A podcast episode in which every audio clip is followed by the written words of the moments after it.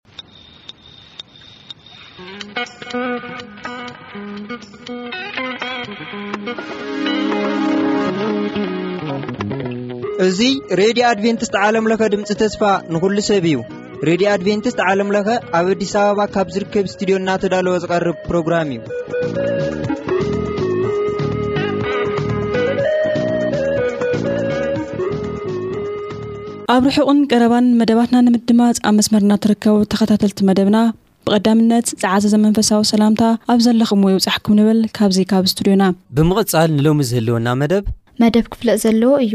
ምሳና ጽንሑ ሰናይ ምክትታል።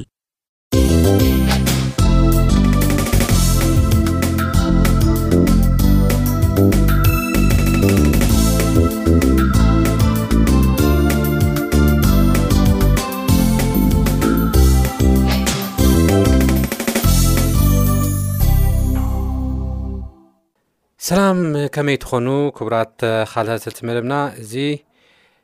ኣብ ዝሓለፈ ዝጀመርናዮ ብዛዕባ ዓብዪ ቀለስ ወይ ድማ ብዛዕባ ግሬት ኮንትሮቨርስ ተባሂሉ ዝፅዋዕ ትምህርቲ ኢና ክንርኢ ቀፃልነቱ ማለት እዩ መበል ሳሳይን ራብዓይን ክፋል ሎምን ኣብ ዝቕፅልን ሒዝናዮ ክንቀርብ ኢና በዚ ድማ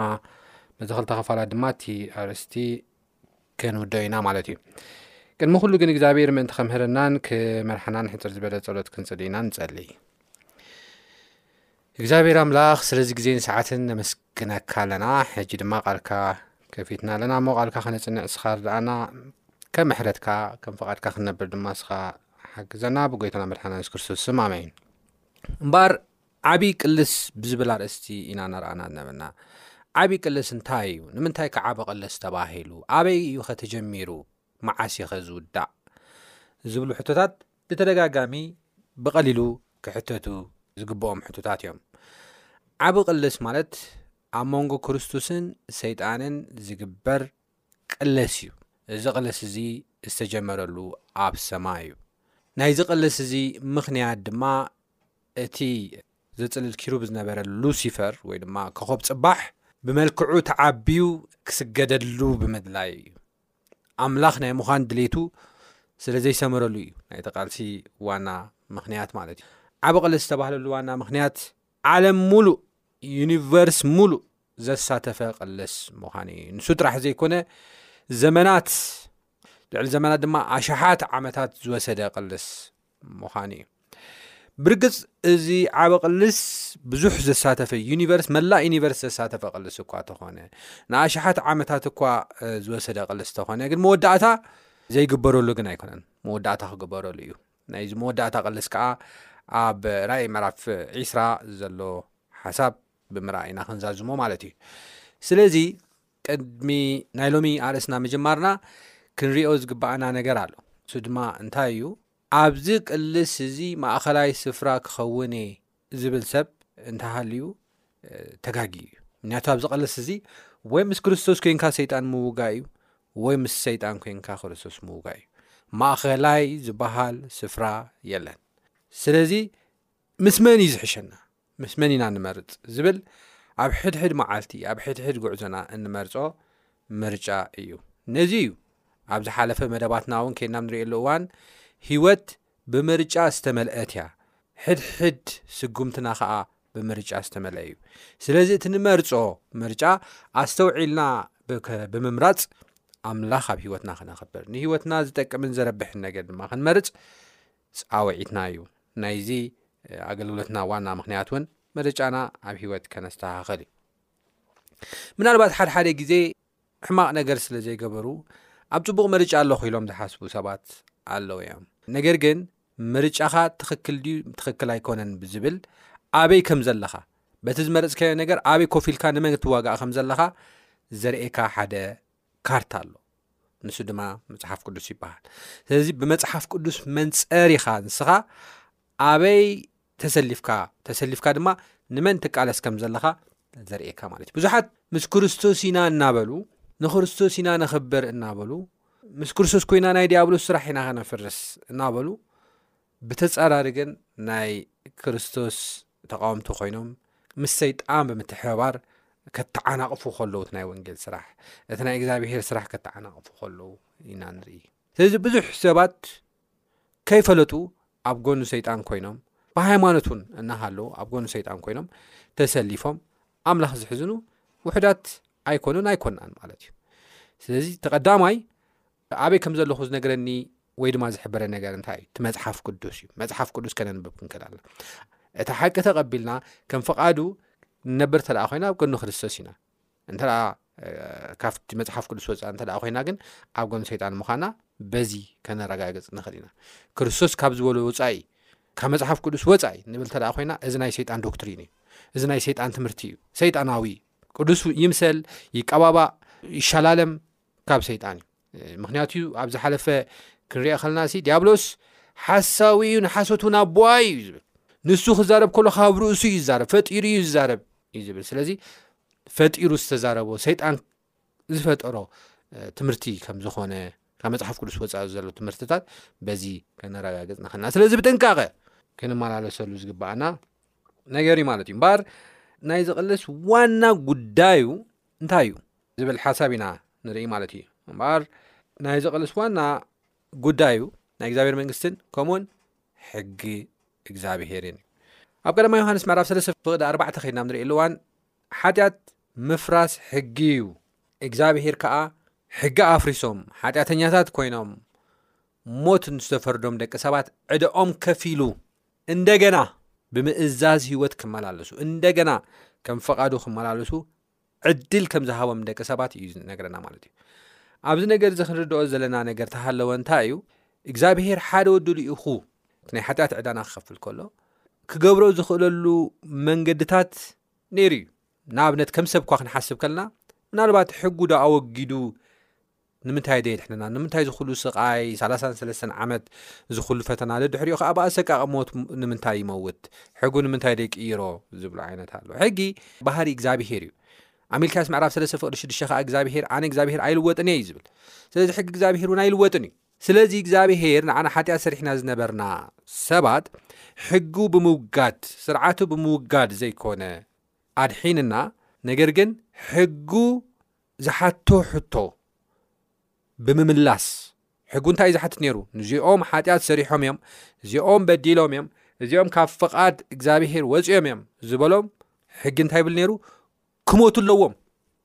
ክጠፍኡ ኣለዎም፣ ምክንያቱ ዓስቢ ሓጢኣት ሞት እዩ፣ ሕጊ ኣፍሪሶም እዮም ክሞቱ ኣለዎም ዝብል ናይ ሕጊ ሕቶ ብምምላስ እዩ ኣድሕንና። በዚ ከኣ ንሕጊ ልዕል ከም ዘበሎ፣ ከም ዘኽበሮ እምበር ከም ዘዋረዶን ከም ዘጥፍኦን ኣይነርእን ኢና። መጽሓፍ ቅዱስ ኬድና ኣብ ንርእየሉ እዋን ማለት እዩ። ብዙሓት ኢየሱስ ክርስቶስ ሕጊ ለዊጥዎ እዩ፣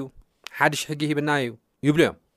ክዛረቦ ከሎ ብዛዕባ ሕጊ ማለት እዩ እንታይ እቲ ሓድሽ ሕጊ ሂብና ትብሉ ዘለኹም ክብል ከሎ ኣብ ማቴዎስ ምዕራፍ 22 ዘሎ ሓሳብ እዩ እንታይ ይብል ኣብ ማቴዎስ ምዕራፍ 22 ኣብ ፍቕሪ 34 ኣትሒዘ ከነብበ ፈሪሳውያን ድማ ኣብ ሳዶቃውያን ከም ዝዓጸወ ሰሚዖም ብሓደ ተኣከቡ፣ ካባታቶም ሓደ ምሁር ሕጊ ክዕዘቦ ደልዩ፣ መምህር እቲ ዓባይ ትእዛዝ ኣብ ሕጊ ኣየነይቲ እያ? ኢሉ ሓተቶ። የሱስ ከኣ ንእግዚኣብሔር ኣምላኽ ካብ ምሉእ ልብኻን ብኹሉ ነፍስኻን ብኹሉ ሓሳባትካን ኣፍቅሮ፣ እዚኣ እቲ ዓባይን ቀዳመይትን ትእዛዝ እያ፣ እታ እትመስላ ካልኣይቲ ድማ ንብጻይካ ከም ነፍስኻ ኣፍቅሮ ትብል እያ ኢሎም በዚ እዩ እቲ ዓሰርተ ሕግታት ዝነበረ ኣብ ብሉይ ኪዳን ዝነበረ ሕግታት ተለዊጡ ኢሎም ዝዛረቡ ሰባት ኣለዉ። መጽሓፍ ቅዱስ ግን ክዛረበና ከሎ ኣብዚ ትሕቶ ንባዕሉ ከነጽንዖ ከለና ናብ ካልእ ከይከድና እኳ ከይና ክንሪኦ ከለና እንታይ እዩ ዝብል እቲ ሓታታይ ዝሓተቶ መምህር እቲ ዓባይ ትእዛዝ ኣብ ሕጊ ኣይነት እያ ኢሉ ዩ ሓቲቶ ኣብ ሕጊ ዝብሎ ዘሎ ሓሳብ ከይና ክንሪኦ ከለና ናይ እብራይስጥ መፅሓፍ ናይ ብሉይ ኪዳን መፅሓፍ ኣብ ሰለስተ እዩ ዝኽፈል ነይሩ ቶራ ነቢም ኬቲቢም ብዝብል ናይ እብራይስጢ ቓላት እዮም ፈላልዮምዎም ነይሮም ቶራ ዝብልዎም እዘ ናይ ኦሪት መፅሓፍ ካብ ኦሪት ዘፍጥረት ክሳብ ኦሪት ዘዳግም ዘሎ ሓሳብ እየን ቶራ ማለት ድማ እዚኤን ናይ ሕጊ መፅሓፍቲ እየን ተባሂለን ዝተፈለያ እየን ካብኡ ነቢም ዝበሃሉ ከዓ እዚ ናይ ነቢያት መፅሓፍቲ ነቢያት ዝፀሓፍዎ በዓል ኣሞፅ በዓል ኢሳያስ በዓል ኤርምያስ ዝፀሓፍዎ እዩ ኬቲቢም ዝበሃል ከዓ መፅሓፍቲ እዩ ከም በዓል መጽሓፈ ኣስቴር፣ መጽሓፈ እዝራ፣ መጽሓፈ እዮብ ዝኣመሳሰሉ ምሳሌ መዝሙር እዚኦም ብምልኦም ኣብ ኬቲቢም እዮም ዝድርድርዎም ነይሮም ማለት እዩ ስለዚ ኣብቲ ቶራ ዝበሃል ወይ ድማ ኣብቲ ሕጊ ዝበሃል መፅሓፍቲ እታ ዝዓበይት ሰኣይነቲኣ እዩ ዝብሎ ዘሎ እምበር ተለዊጡ ድዩ ተለዊጡ ይኮነን ኣይኮነን ትሕትኡ ነይሩ ናይቲ ምህሮ ሓጊ ማለት እዩ ትሕትኡ ናይ የሱስ ክርስቶስ መልሲ እውን ኣይ ተለዊጡ እዩ ኮሱ እሱኮ ተሪፉ እዩ ካልእ እኮ ሓድሽ ኣምፀ ኣይኮነን ነይሩ ካብ ሕጊ ካብተን ዝነበረ ኣብ ቶራ ተፃሓፈ ሕግታት እታ ዓባይን እታ ቀዳመይትን ትእዛዝ ንእግዚኣብሔር ኣምላኽካ ብምሉእ ልብኻ ብኩሉ ነፍስኻ ብኩሉ ሓሳባትካ ኣፍቅሮ እያ ትብል ዝብል ሓሳብ ነጊርዎ። ስለዚ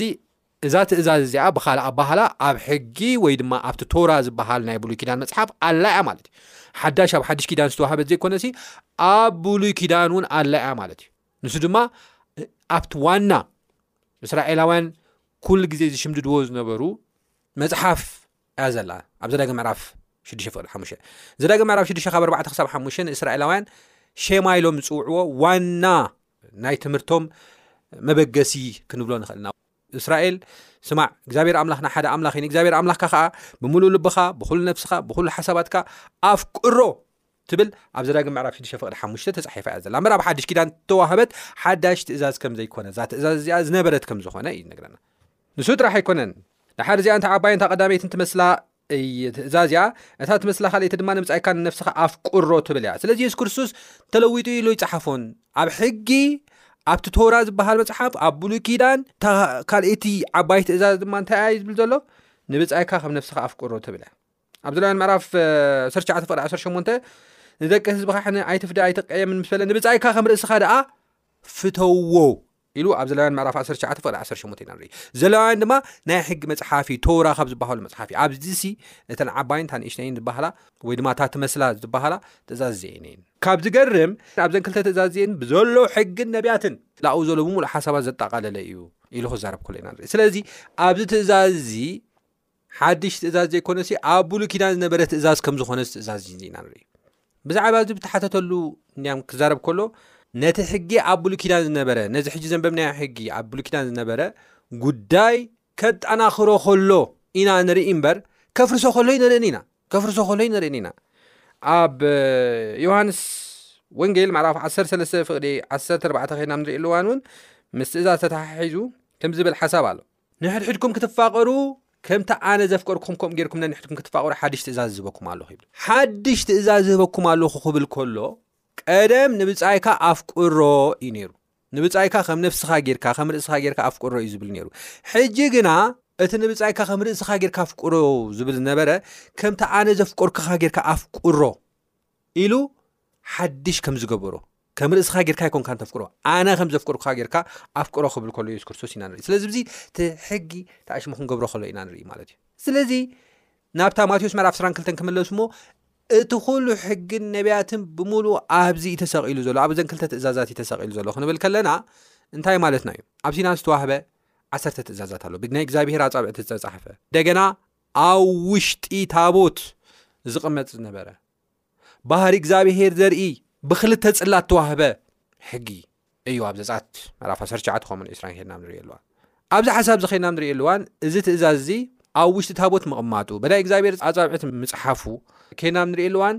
ብዙሕ ነገራት ዘርእየና ነገር ኣሎ። ሓደ፣ ካብቲ ብሙሴ ኢድ ዝተጻሕፈ፣ ኣብ ሜዳ ዝተዋህበ ብሙሴ ኢድ ዝተጻሕፈ ስርዓት ይፍለ እዩ። ምክንያቱ እቲ ብሙሴ ኢድ ዝተጻሕፈ ስርዓት ኣብ ጎኒ እቲ ታቦት እምበር ኣብ ውሽጢ እቲ ታቦት ኣይኮነን ዝቕመጽ ነይሩ። ነዚ መረጋገጺ ኣብ ዘዳግም ምዕራፍ 31 ዘሎ ሓሳብ ከንብበልኩም እደሊ። ልዕል ኢለ ከንብብ እየ። ዘዳግም ሰላሳን ሓደን ካብ ዕስራን ኣርባዕተን ኣትሒዘ ከንብብ እየ። ኮነ ድማ ሙሴ ቃላት እዚ ሕጊ እዚ ኣብ መጽሓፍ ጽሒፉ ምስ ወደአ ይብል። መን እዩ ጽሒፍዎ? ሙሴ። ክደግማ እየ እንደገና ብደንቢ ክተስተውዕልዋ። ኮነ ድማ ሙሴ ሙሴ እዩ ዝብለኩም ዘለኹ ቃላት እዚ ሕጊ እዚ ኣብ መጽሓፍ ጽሒፉ ምስ ወደአ ሙሴ እዩ ጽሒፍዎ። ሙሴ ነቶም ታቦት ኪዳን እግዚኣብሔር ዝጾሩ ሌዋውያን ከምዚ ኢሉ ኣዘዞም። ነዚ መጽሓፍ እዚ ውሰዱ እሞ ኣብ ጎቦ ታቦት ኪዳን እግዚኣብሄር ኣምላኽኩም ኣንብርዎ ኣብ ኮይኑ ንምስክር ይኹንካ ይብል ስለዚ ኣብ ጎቦ እዩ ዝቕመጥ ነይሩ ካብቲ ዓሰርተ ትእዛዛት ብናይ እግዚኣብሄር ኢድ ዝተጻሕፈ ኣብ እምኒ ተጻሕፈ እቲ ኣብ ስክሮል እዩ ተጻሒፉ ኣብ ወረቐት እዩ ተጻሒፉ ስክሮል ዝበሃል ጥቅል ዝበሃል መጽሓፍ ነይሩ ኣብኡ እዩ ተጻሒፉ እዚ ንዓሰርተ ትእዛዛት ግን ኣብ እምኒ ተጻሒፉ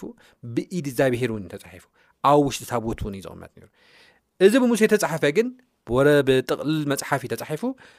ካብዚ ተወሳኺ ከኣ ኣብ ጎቦ ታቦት ኪዳን እዩ ዝቕመጥ እምበር ኣብ ውሽጢ ታቦት ኣይኮነን ዝቕመጥ ነይሩ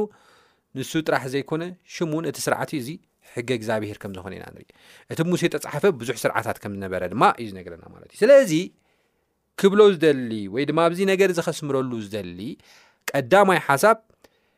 ዓሰርተ ትእዛዛት ካብዚ ብሙሴ ዝተጻሕፈ ጽሑፋት ወይ ድማ ስርዓታት ወይ ሕግታት ይፍለዩ። ንምንታይ? ኣቀማምጡ እዩ። ንምንታይ? ጸሓፊ እዩ። እቲ ብእግዚኣብሔር ተጻሒፉ እዚ ግን ብሙሴ እዩ ተጻሒፉ። ካልኣይ ከኣ ክቦ ዝደለ ሓሳብ ተሃለወ እንታይ እዩ ብዛዕባ እቲ ሕጊ እግዚኣብሄር ኣብ ማቴዎስ ምዕራፍ 20 ክልተን ተን ሕጊ ብክልተ እዩ ከፊሉ እግዚኣብሄር እውን እቲ ጽላት ክህብ ከሎ ኣብ ውሽጢ ታቦት ዝቕመጥ ጽላት ክህብ ከሎ ንሙሴ ኣብ ክልተ ጽላተ እምኒ ገይሩ እዩ ሂብዎ ኣብ ሓንቲ ክጽሕፍ ይኽእል ነይሩ እግዚኣብሔር ዝሰኣኖ ነገር የብሉን ኣብ ክልተ እዩ ሂብዎ ድሓር ግን ሙሴ ተን እምኒ ተቐቢሉ ክወርድ ከሎ ካብ ከደን ሲና እስራኤላውያን ኣሮን ብሰርሓሎም ጣኦት እናሰገዱ ንዓለሉ እስራኤል እዚ ካብ ግብፂ ውፅኢካ እናበሉ ርእዎም ሰሚዑ ጫውጫውታ ምስ እያሱ ኮይኖም ድሓር ብስምባደ ነቲ እግዚኣብሄር ዝሃቦ ፀላት ሴርዎ ብሕርቃን ኣነ ግን ካብ ምስባሩ ጥራሕ ዘይኮነ ዝገርመኒ እግዚኣብሄር ደድሕሪ ከምተን ናይ ቅድም ጽላት ሰሪሕኻ ኣምጻእ ኣንማው ጽሒፈ እንደገና ከበካ ክብል ኮሎ ኢና ንርኢ ስለዚ ፍሉይ ዝኾነ ኢንቴንሽን ከም ዘለዎ እግዚኣብሄር እዩ ዝነግረና ዘሎ ፍሉይ ዝኾነ ኢንቴንሽን ከም ዘለዎ ፀሪብ ካምፀ ኣነ ይፅሕፎ ክብል ከሉ ኢና ንርኢ ሓሳብ እኳ ኣይነገሮን ኢንፋክት እዚ ኣብ ዘዳግም ምዕራፍ 31 ፍቅዲ 24 ዘንበብክዎ ኮ እግዚኣብሄር ሓሳቡ ነጊርዎ ኮእዩ ሙሴ ይፅሒፍዎ ኮ ሓሳቡ ናይ እግዚኣብሄር እዩ ናይ ሙሴ ኣይኮነን ሓሳቡ ግን ሙሴ እዩ ፅሒፎ ሙሴ ክፅሕፎ እዩ ገይርዎ እዚኤን ግን ወላ ተተሰብረስ ሓደ ከምተን ቀደም ዝነበራ ፅላት ክልተ ፅላት ፀሪብካ ኣምፅእ ክብሎ ክእል ኢና ንርኢ እዚ እንታይ እቲ ሕጊ ኣብ ክልተ ከም ዝኽፈል እዩ ፍቕሪ ንእግዚኣብሄር ፍቕሪ ንኣምላኽ ከም ዝኽፈል ኢና ንርኢ እተን ካብ ቀዳማይ ክሳብ ራብዓይ ዘለዋ ትእዛዛት ፍቕሪ ንእግዚኣብሄር ዘርኣየን እታ ቀዳመይቲ ትእዛዝ ካብ ምድሪ ግብፂ ካብ ቤት ባርነት ዘውፃእኳ ኣነ እግዚኣብሄር ኣምላኽካ እየ ካልኦት ኣማልኽቲ ኣብ ቅድማይ ኣይሃልዉኻ ኣብ ልዕሊ ኣብ ሰማይ ካብ ዘለዉ ኣብ ታሕቲ ኣብ ምድሪ ካብ ዘለዎ ኣብ ማይ ካብ ኣብ ትሕቲ ምድሪ ካብ ዘለዎ ምስልን ስእልን ዘበለ ንኣኻ ኣይትግበር ካብ ሰማይ ካብ ምድሪ ካብ ትሕቲ ምድሪ ዘለዉ ብምሉእ ምስልን ስእልን ፍፁም ኣይትግበር እዩ ዝብል ኣይትስገደሎም ኣይተገልግሎም ድማ ምክንያቱ ብዙሓት ምስሊ ገይሮም ስእሊ ገይሮም እንታይ ገብሩ እዮም ጣዖታት ይሰግድሎም እዮም እሞ ስለዚ ኣይትግበር ኢሉ ክጅመር ከሎ ምስልን ስእልን ኣይትግበር ኣይትስገደሎም ኣይተገልግሎም ድማ ኣነ እግዚኣብሔር ኣምላኽካ ቀናእ ኣምላኽ እየ እሞ ንጸሎን ሓጢኣት ኣቦታት ኣብ ደቂ ክሳዕ ሳልሳይ ክሳዕ ራብዓይ ወለዶ ዝቐጽዕ ንዝፈትውን ትእዛዘይ ዝሕልውን ግና ክሳዕ ሽሕ ምሕረት ዝገብር ኢሉ እቲ ሳልሳይ ከዓ እግዚኣብሔር ስሙ ብኸንቱ ንዘለዓላ ከይቀጽዓ ይሓድጎን እሞ ስም እግዚኣብሔር ኣምላኽካ ብኸንቱ ኣይተልዕል ራብዓይ ከዓ መዓልቲ ሰንበት ክትቅድሳ ዘክር ሽዱሸ መዓልቲ ዕየ ተግባርካ ኩሉ ግበር እታ ሳብዒይቲ መዓልቲ ግና ናይ እግዚኣብሔር ኣምላኽካ ሰንበት እያ ናይ ማንም ኣይኮነትን ናይ እከለ ወይ ናይ እከለ ወይ ናይ ኣይሁድ ወይ ናይ ኣዳም ወይ ናይ ኢትዮጵያዊ ኣይኮነትን ናይ እግዚኣብሄር ኣምላኽካ ሰንበት እያ እዩ ዝብል እግዚኣብሄር ፈጢሩ ዝዓረፈላ ሰንበት እያ እምበር ናይ ሰብ ኣይኮነትን ናይ ኣይሁድ ኣይኮነትን ብኣንስኻን ወደኻን ጓልካን ግዝኡኻን ግዝእትኻን ማልካን ኣብ ውሽጢ ደጌታ ዝነብር ስደተኛ ገለ ዕዮ እኳ ኣይትዕየዩ እግዚኣብሔር ብሽድሸ መዓልቲ ሰማይን ምድርን ባሕርን ኣባታቶም ዘለዎ ኩሉን ገይሩ እዩ እሞ ምስ ኣብዒቲ መዓልቲ ከዓ ዓረፈ ስለዚ እግዚኣብሔር ንመዓልቲ ሰንበት ባረኻን ቀደሳን ይብል ኣብዚ ሓሳብ እዚ ከድናም ንሪኦ ኣሉዋን ስለዚ እዘን ኣርባዕተ ትእዛዛት ከድናም ንሪኦ ኣሉዋን እግዚኣብሔር ኣምላኽካ ብምሉእ ልብኻን ብኩሉ ሓሳብካን ብኩሉ እንትናኻን ኣፍቅሮ ዝብል ዝሓዛ ዘጠቓለላ እየን እግዚኣብሔር ተፍቅሮ እንተደኣ ኮንካ ብጀክኡ ካልኦት ኣማልኽቲ ኣይተመለኸን ኢኻ። እግዚኣብሄር ተፍቅሮ እንተደኣ ኮይንካ ምስልን ስእልን ኣብ ማንም ቦታ ይኹን ኣብ ሰማይ ኮነ ኣብ ምድሪ ኣብ ትሕቲ ምድሪ ማያት ኮነ ኣብ ማንም ዘሎት ምስልን ስእልን ኣይትገብርን ኢኻ ኣይትሰግደሎምን ኣይተኽብሮምን ኢኻ ሳልሳይ ሽም እግዚኣብሄር ብኸንቱ ኣይትፅውዕን ኢኻ እግዚኣብሄር ተፍቅሮ ተኮይንካ ራብዓይ ንእግዚኣብሄር ተፍቅሮ ተኮይንካ ሰንበት ናተይ መዓልቲ እያ ዝበላ ሰንበት ኣይተረክስን ኢኻ እዚ በታ ሓንቲ ፅላት እተፅሓፉ እግዚኣብሔር ኣምላኽካ ብኹሉንትናኻ ኣፍቅሮ ዝብል ዝሓዙ ነጥብታት እዮም ስለዚ እግዚኣብሔር ኣብታ ሓንቲ ፅላት እዚ ፅሒፉ ከም ዝሃበና ንርኢ ኣብታ ካልእቲ ከዓ ከይና ንርኢ ኣለዋን ኣብቲ እግዚኣብሔር ዝሃበካ ምድሪ ዕድሜኻ ምእንቲ ክነውሕሲ ኣቦኻን ኣዴኻን ኣኽብር ኣይትቕተል ኣይትዘሙ ኣይትስረቕ ኣብ ብፃይካ ብሓሶት ኣይትመስክር ዓስራይ ከዓ ቤት ብፃይካ ኣይትመነ ሰበይቲ ብፃይካ ግዝኡ ግዝእቱ ብዕራዩ ኣድጉ ገንዘቡ ብፃይካ ዘበለ ኩሉ ኣይትመነ ኢሉ እዘን ሽዱሽተ ትእዛዝ ድማ ንብጻይካ ከም ነፍስኻ ኣፍቅር ዝበል ትእዛዝ ዝተጠቕለለ ዝተዘረበ ሓሳብ እዩ ማለት ስለዚ እግዚኣብሄር ሙሴ እቲ ጽላት እኳ እንተሰበሮ እንደገና ተን ጽላት ሰሪሕኻ ኣምጻለይ ኣብ ክልተ ጽላት እየ ዝደሊ ሕጂ እውን ምባሉ እተን ትእዛዝ ኣብ ክልተ ከም ዝኽፈላ እዘን ክልቲኤን ከዓ ፍቕሪ ንእግዚኣብሄር ፍቕሪ ንሰብ ፍቕሪ ንእግዚኣብሄር ካብ ቀዳማይ ክሳብ ራብዓይ ዘሎ ትእዛዝ ፍቕሪ ንሰብ ድማ ካብ ሻድሻይ ክሳብ ዓስራይ ዘሎ ትእዛዝ ከም ዝኾነ እዩ ዝዛረበና ንሱ ጥራሕ ዘይኮነ ኣምፅኣለይ ባዕለይ ክፅሕፎ እየ ኢሉ ባዕሉ መፅሓፉ ከዓ ኣብ እምኒ ምፅሓፉ ከዓ ዘለዓለማዊ ምዃኑ ግዜያዊ ከም ዘይኮነ ኢና ንርኢ ብዙሕ ግዜ ትርጉም ኣለዎ ኢየሱስ ክርስቶስ ኣብ ዮሓንስ ወንጌል ምዕራፍ ሸሞንተ ነታ ሓጢኣት ሰሪሓ ክሃርምዋ ዝመጹ ኣብ ኢየሱስ ክርስቶስ ኣቕሪቦማ እዚኣ ከተመንዝር ረኺብናያ ኢና ዝበሉ ሰባት ኢየሱስ ክርስቶስ ዝገበሮ ነገር ኣሎ ሓደ ነገር ዝገበሮ ነገር ኣሎ እንታይ እዩ ገይሩ ድንን በለ ይብለና ኣብ ሓመድ ምፅሓፍ ጀመረ ድሓር ቅንዕ ኢሉ ካባኹም ሓጢኣት ዘይብሉ ሓጢኣት ዘይገበረ ዛእምኒ እዚኣ የንብረላ ከም ዝበለ ኢና ንርኢ እቲ ኣብ ሓመድ ንፋስ መጺኡ ኣብ ዘጥፈኦ ዝጸሓፉ እንታይ እዩ ሓጢኣት እቶም ደቂ ሰባት እዩ ካልኣይ ሙሴ ኣብ ዝረግ ምዕራፍ 31 ፍቅዲ 24 ዘንበብክዎ ድማ ኣብ ስክሮል ይጽሒፉዎ ጥቕል ወረቐት ማለት ጠንካራ ወረቐት ኣው ይጽሒፉዎ እንተኾነ ግን ወረቐት እንታይ እዩ ተቐዳዲ ንምንታይ እዩ ሓላፊ ስለ ዝኾነ ኣብ እምኒ ግን ክፈሓቕ ኣይክእልን እዩ ከተወግዶ ኣይተቐልንኻ ዘልኣለማዊ እዩ ዱራብል እዩ ጸናዒ እዩ እቲ ኣብ ወረቐት ተጻሕፈ ክርስቶስ ክመጽእ ከሎ ዝቕደድ እዩ ስለዚ እግዚኣብሄር ግን ነቲ ዓሰርተ ትእዛዛት ኣብ ጽላት ከም ጸሓፈ ኣብ እምኒ ከም ጸሓፈ እዩ ዝነገረና እንደገና ጸሪቡ ከም ዝሃቦ ኣብታ ቦታ ኣቐምጦ ከም ዝበሎ ኢና ንርኢ ስለዚ ሎሚ ናይ እግዚኣብሄር ትእዛዝ ፈሪሱ እዩ ዝብሉ ተለዊጡ እዩ ብከምዚ ዝብሉ መጽሓፍ ቅዱሳዊ መሰረት ከም ዘይብሎም ዘርኢ ሓሳብ እዩ ንሱ ጥራሕ ዘይኮነ ፍልይ ብዝበለ ኣብ ዝቕፅል እውን ክንርኢ ኢና ሰባት ከዓ ዓሰርተ ትእዛዛት ኣይንቕበል ኢና ግን ፍልይ ፍልይ ዝበለ ኣይንደልን ኢና እናበሉ ከዓ ክፃወቱ ከሉ ከምዚ ካርታ ንርኢ ኢና ንኣብነት ሓደ ሓደ ቤተ እምነታት ሰንበት ናይ ኣይሁድያ ነይራ ሰንበት ተወጊዳ እያ ትብል ራብዓይ ትእዛዝ በይና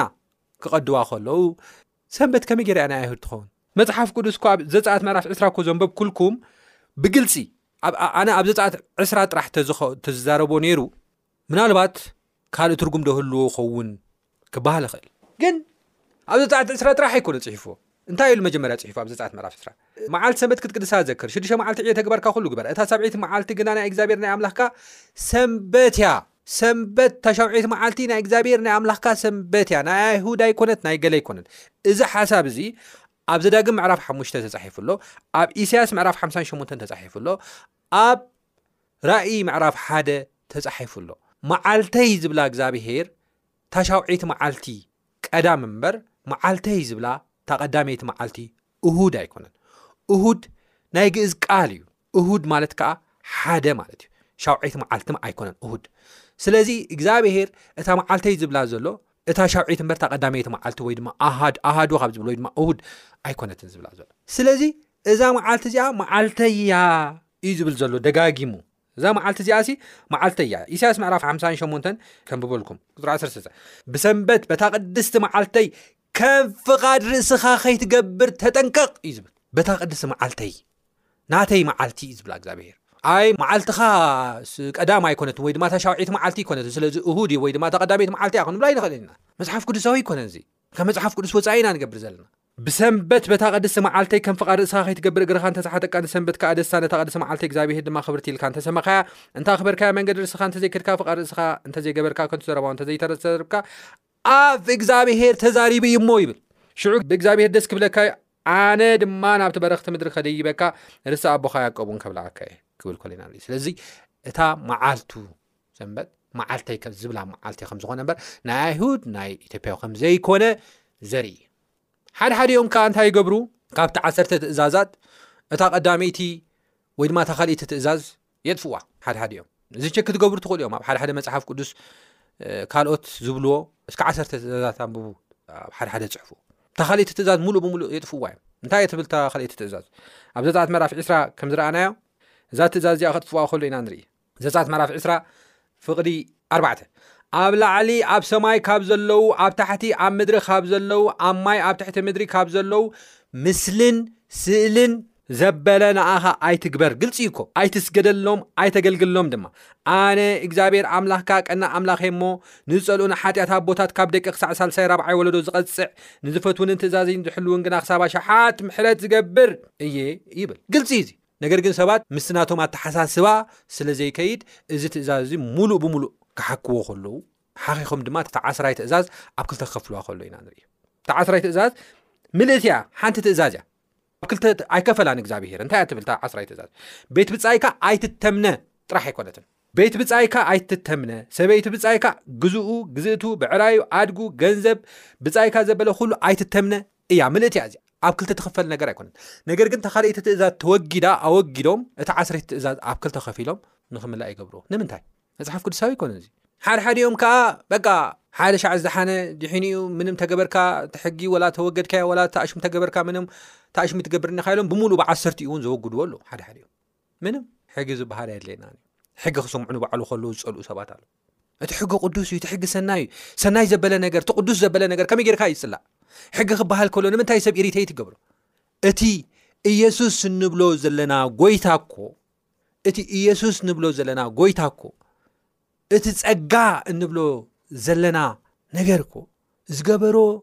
ተግባራት ክንርአ ከለና ቀዳማይ ኣብ እብራያን ምዕራፍ ሓደ ከይደ ክርኢ ይደሊ ቀዳማይ ለውለስነስ ስርዓት ኣልበኝነት ሕጊ ኣልቦነት ከጥፍእ እዩ መፅዩ ፀልዩ እዩ መፅዩ ሕጊ ኣልቦነት ዝፀልእ ኣምላኽ እዩ ለውለስነስ ብዘይ ሕጊ ምንባር ከም ደስ ዝበለካ ምኻድ ዝፀልእ ኣምላኽ እዩ ናይ ስርዓት ናይ ሕጊ ኣምላኽ እዩ እቲ ኢየሱስ ንብሎ ዘለና ኣምላኽ ነገር ግን ኢየሱስ እናበልና ሕጊ ምፅላእ ሕጊ ክበሃል ከሎ ቀጥቀጥ ዘብለና እተኮይኑ እዙይ ቅዱስ መንፈስ ዘይኮኑ ርኹስ መንፈስ እዩ ተቋፂርና ዘሎ ማለት እዩ እታ ካልኣይ እቲ ፀጋ እንታይ እዩ ዝብለና ኤፌሶ ምዕራፍ 2 ፀጋ ብእምነት እዩ ኣድሒንኩም ምስ በለ ከም ብሓድሽ ክትፍጠሩ እዩ ገይርኩም ምስ በለ ሰናይ ግብሪ ንምግባር እንደገና ተፈጠርኩም ይብለና ኣይ ናይቲ ሰናይ ግብሪ ንድኻታት ምርዳእ ጥራሕ ሰናይ ግብሪ ኣይኮነን ሰናይ ግብሪ ዝብሎ ዘሎ ኣብ ሮሜ ምዕራፍ ሸውዓተ ከድኩም ናብ ትርእሉ እዋን እቲ ሕጊ ቅዱስ እዩ ሰናይ እዩ ይብለና ብ ፍቅዲ ዓሰርተ ክልተ ክዛርብ ከሎ እምበኣርስ እቲ ሕጊ ቅዱስ እዩ እቲ ትእዛዝ ቅዱስን ጻድቅን ሰናይን ይብል ስለዚ ጸጋ ንዓና ከድሕነና ከሎ ሓድሽ ፍጥረት ክገብረና ከሎ ውሉድ ኣምላኽ ክንበሃል ክገብረና ከሎ እቲ ሰናይ ዘበለ ነገር ንክንገብር እዩ ዝፈጥረና ዘሎ እቲ ሕጊ ንክንፈጽም እዩ ዝፈጥረና ዘሎ እዩ እሞ ናብቲ ናይ መጀመርያ ሓሳብና ክምለስ ከለኹ እዚ ዓበ ቕልስ እቲ ዋና ፒቮታል ኢሹ ወይ ድማ እቲ ዋና ጉዳይ ናይ ቃልሲ እቲ ትኩረት ናይ ተቓልሲ ንእግዚኣብሔር ትእዘዝ ዲኻ ንእግዚኣብሔር ኣይትእዘዝን ኢኸ መጀመርያ እውን ኤደን ገነት ዝቐረበትሎም ሕቶ ወይ ድማ ዝቐረበትሎም ፈተና ንእግዚኣብሔር ትእዘዝ ዲኻ ኣይትእዘዝን እያ ሕጂ እውን ንክርስቶስ ምእማናን ዘይምእማናን መረጋገፂ ዘርኢ መፈተኒ ትእዛዝ እዩ ንእግዚኣብሔር እዘዞ ድ ኣይእዘዞን ከም ፍቓዱ ኸይዲ ኣይከይድን እዚ እዩ እዚ ከምቲ ቅድሚ ኢለ ዝበልኩኹም ኣብቲ ዓብ ቓልሲ ብዙሓት ብፍላጥ ኮነ ብዘይፍላጥ ካብ እግዚኣብሄር ወፂኦም ኣብ ጎኒ ሰይጣን ኮይኖም ንእግዚኣብሄር ይቃለሱ ኣሎ እዮም ሎሚ እግዚኣብሄር ይፅዋዕ ኣሎ ኣብዚ ዓብ ቓልሲ ምስኡ ኮይና ንሰይጣን ክንቃለስ ምስኡ ኮይና ናይ ዲያብሎስ ስራሕ ከነጋልፅ ምስኡ ኮይና ነቶም ዝጠፉ ኣሕዋትና ከነድሕን ምስኡ ኮይና ነቶም ተሸገሩ ኣሕዋትና ክንበፅሕ እግዚኣብሄር ይፅዋዕ ኣሎ ሞዚ ፃውዒት ዝተቐቢልና